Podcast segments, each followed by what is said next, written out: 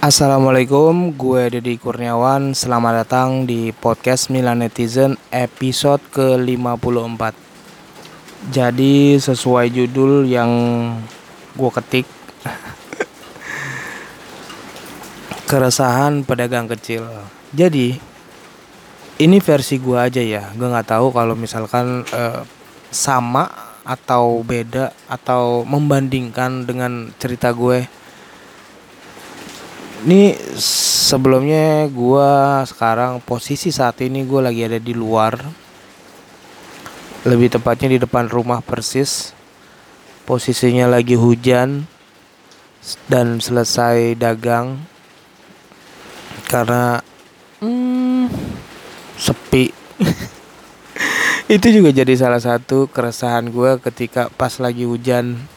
Ya gue yakin sih hampir semua rata-rata juga hujan itu jadi kendala.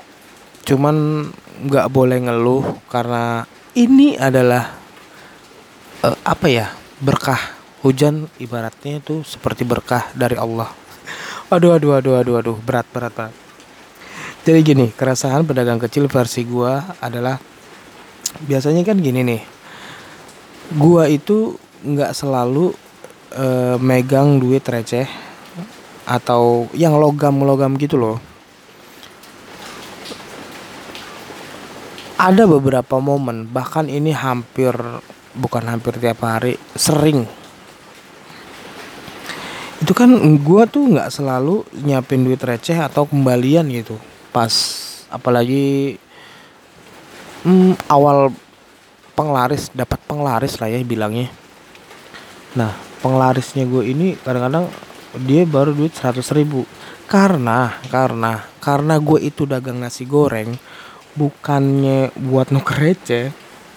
Ini gue nggak tahu nih e, perasaannya pembeli pas ketika gue tahu misalkan gue nggak ada kembaliannya. Mas bawa aja duitnya nanti bayarnya nanti. Waduh mana ya mas ya? Ya kan gue itu kan hmm, bukan tukang apa nukerin duit ya.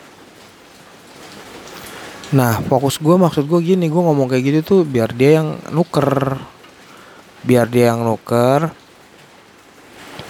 Jadi gue nunggu sama orderan yang lain gitu sambil ngelayanin orderan yang lain. Nah yang gue nggak senengin itu adalah dia ngasih dia ngasih duitnya gede udah gitu minta ditukerin. Aduh ini adalah salah satu keresahan gue ketika pas lagi ngelayanin orang ada dua atau tiga orang yang berbeda dengan order yang berbeda. Tapi yang pertama ini penglaris otomatis duitnya gede gue gak ada kembalian. Ya maksud gue ya lu nukerin dulu lah ke warung gitu maksud gue. Jangan gue yang nukerin atau udah tahu udah tahu harganya gitu udah tahu harganya. Lu beli nasi goreng misalkan di gue itu harganya lima belas ribu. Ya udah lu bawa duit dari rumah lima belas ribu. Pasti kalau gue ngomong begini pasti ada yang bilang gini ya lah bang lu bukannya udah nyiapin duit lu lagi perkara kembalian aja kayak begini. Bukan bukan bukan gitu. Kan gue dagang gue bukan tukang kembalian gitu. Posisinya lagi katakanlah lagi rame. Masa gue bela-belain nyari duit kembalian? Harusnya lu lah. Kadang-kadang gue resah juga sih kadang-kadang soal masalah kembalian yang bagi gue sih sepele.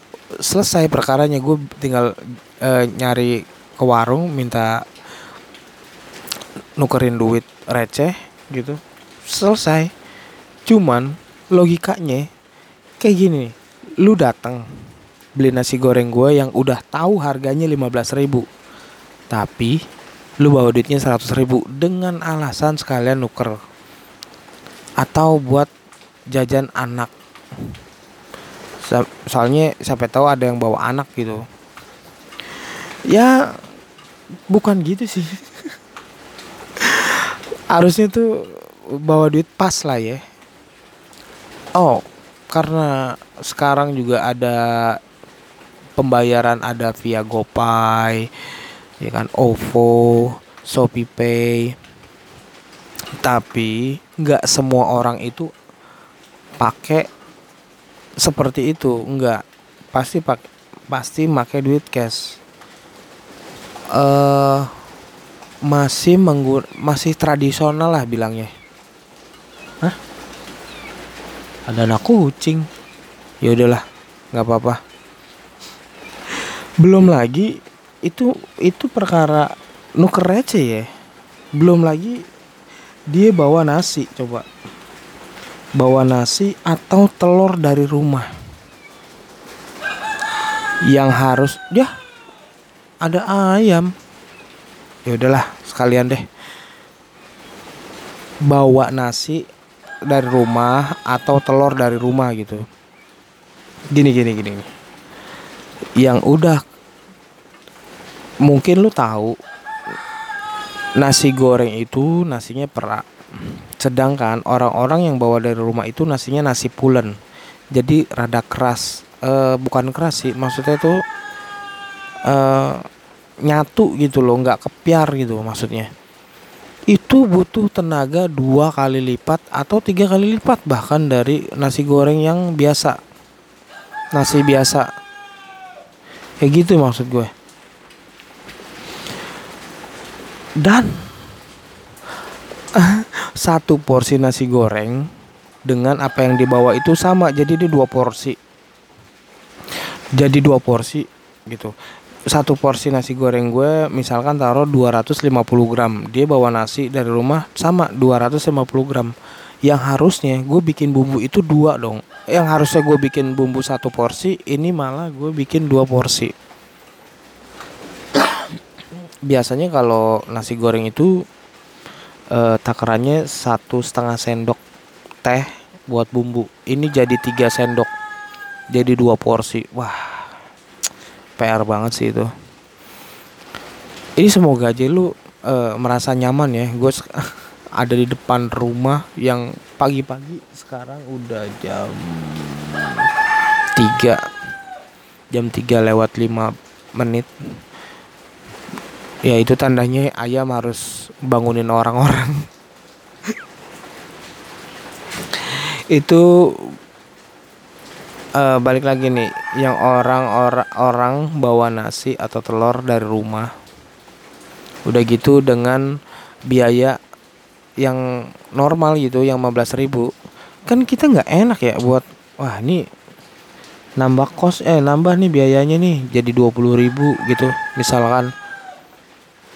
Uh, orang yang apalagi nasi goreng pinggir jalan gitu kayaknya nggak mau gitu ya udah lu ngasih harga lima belas ribu udah gue tinggal nambahin nasi. Cuman orang yang bawa nasi ini kadang-kadang udah di hmm, gimana ya? Jadi kita tuh nombok nombok bumbu gitu. Apalagi minta telurnya di dadar aduh nih ini ini juga termasuk bagian keresahan tukang nasi goreng pinggir jalan atau uh, eh, gue nggak tahu ya kalau lu jualan apa gitu. Nasi goreng kalau telurnya dipisah gitu entah itu diceplok atau didadar tuh tahu nggak? Ya kalau masak telurnya sih nggak bakalan lengket. Tapi kalau masak nasinya kalau nggak pinter-pinter tuh nggak nggak panas banget itu uh, wajannya tuh lengket bro. Kalau apalagi orang yang nggak paham gitu. Bukan yang nggak paham ya ada yang tahu tapi wajannya nggak cocok. Nggak cocok uh, tanpa telur gitu. Pasti lengket. Uh kesel kesel banget itu. Cuma nih mau gimana? Orangnya kan minta di diceplok atau didadar telurnya. Masa kita tolak? Yang yang ada malah ah jadi omongan ya beli nasi goreng di sana mah nggak bisa diceplok. Atau ada solusi lain? Jadi waktu itu gue uh, ke Parung ke tempat mertua gue di situ ada ada ada harganya gitu price listnya gitu menu di menunya. Jadi harga normal nasi goreng 15.000 terus di bawahnya telur diceplok atau didadar 16.000 jadi nambah duit 1000 gitu. Wah idenya bagus nih kalau kayak gini nih. Jadi uh, dapat nih win-win solution ceh. Win-win solution.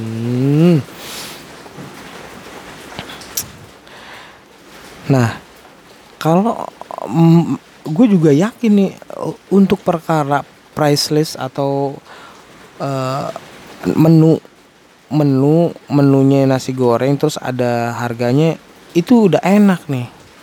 Tapi kan nah nih soal soal harga nih. Ada aja ya. Gue udah gue udah naro harga harga price listnya gitu tapi tetap aja tuh masih ada masih ada aja yang nanya. Misalkan nih gue udah naro kanan kiri depan belakang. Di di di etalase gue gitu. Ngasih harganya di depan matanya dia. Gue tanya uh, nasi goreng apa nih? Uh, nasi goreng biasa atau nasi goreng ayam atau pete gitu? Dia minta nasi goreng biasa. Nah oke okay nih sekitar tiga sekitar 3 sampai 4 menit udah udah jadi. Nah, begitu mau us, begitu mau bayar, langsung dia bingung. Langsung dia nanya gini. E, harga berapa, Mas? 15.000. 15.000, Mas, gitu. Eh, sepele sih, sepele kan bagi lo, sepele kan. Ya udah tinggal jawab aja. Cuman kecuali gua nggak naruh harganya di situ. Nasi goreng biasa nasi goreng pete nasi goreng ayam atau nasi goreng ati ati ampela yang nggak ada cuma naruh menu tapi nggak ada harganya gitu loh maksudnya. Ya nggak apa-apa lah. Tapi kan gue udah naruh harganya. Tapi tetap aja lah. Mungkin mungkin mungkin ini bagian dari keresahan yang ya lah semuanya sih sebenarnya sepele gampang banget di diselesaikan.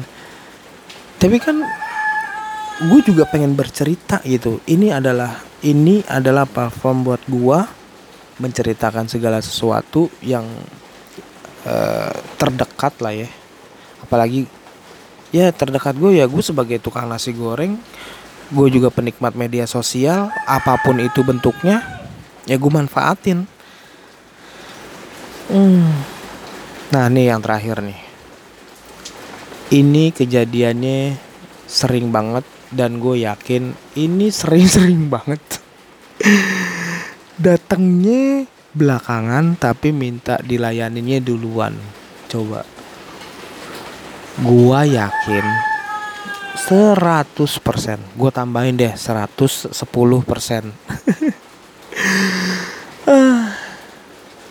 apalagi biasanya nih eh, rata-rata ya itu cewek mau mintanya duluan terus dengan dengan omongan-omongan bang saya duluan deh bang saya mau ini nih saya mau itu nih. Stop stop stop stop. Uh, biasanya gue langsung kayak gini nih mbak ini ngantri ya ada tiga orang lagi gitu. Ya kelamaan mas. Saya mau kerja saya mau pergi saya mau udah tahu rame.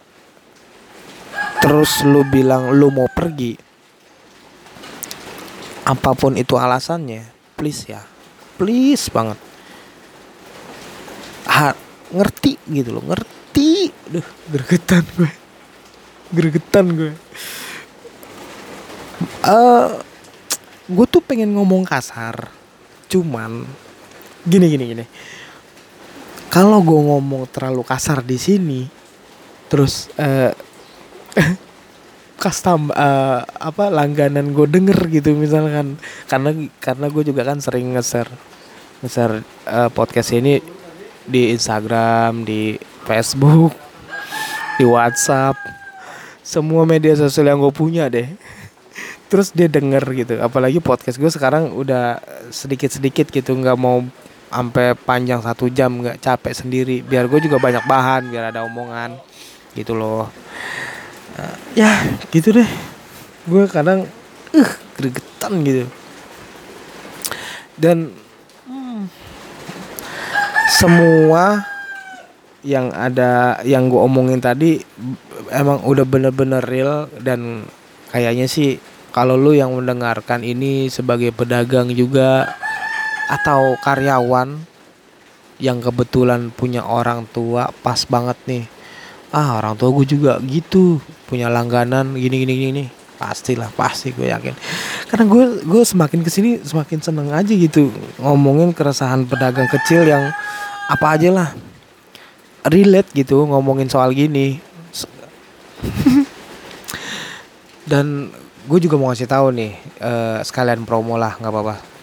Jadi uh, warung warung Milan Milena dan nasi goreng Milan Milena uh, itu lagi banyak promo di GoFood, di GrabFood, di ShopeeFood. Gue gue kasih promo sebanyak banyaknya di situ. Jadi lu bisa menikmati promo apa aja yang lu mau di situ.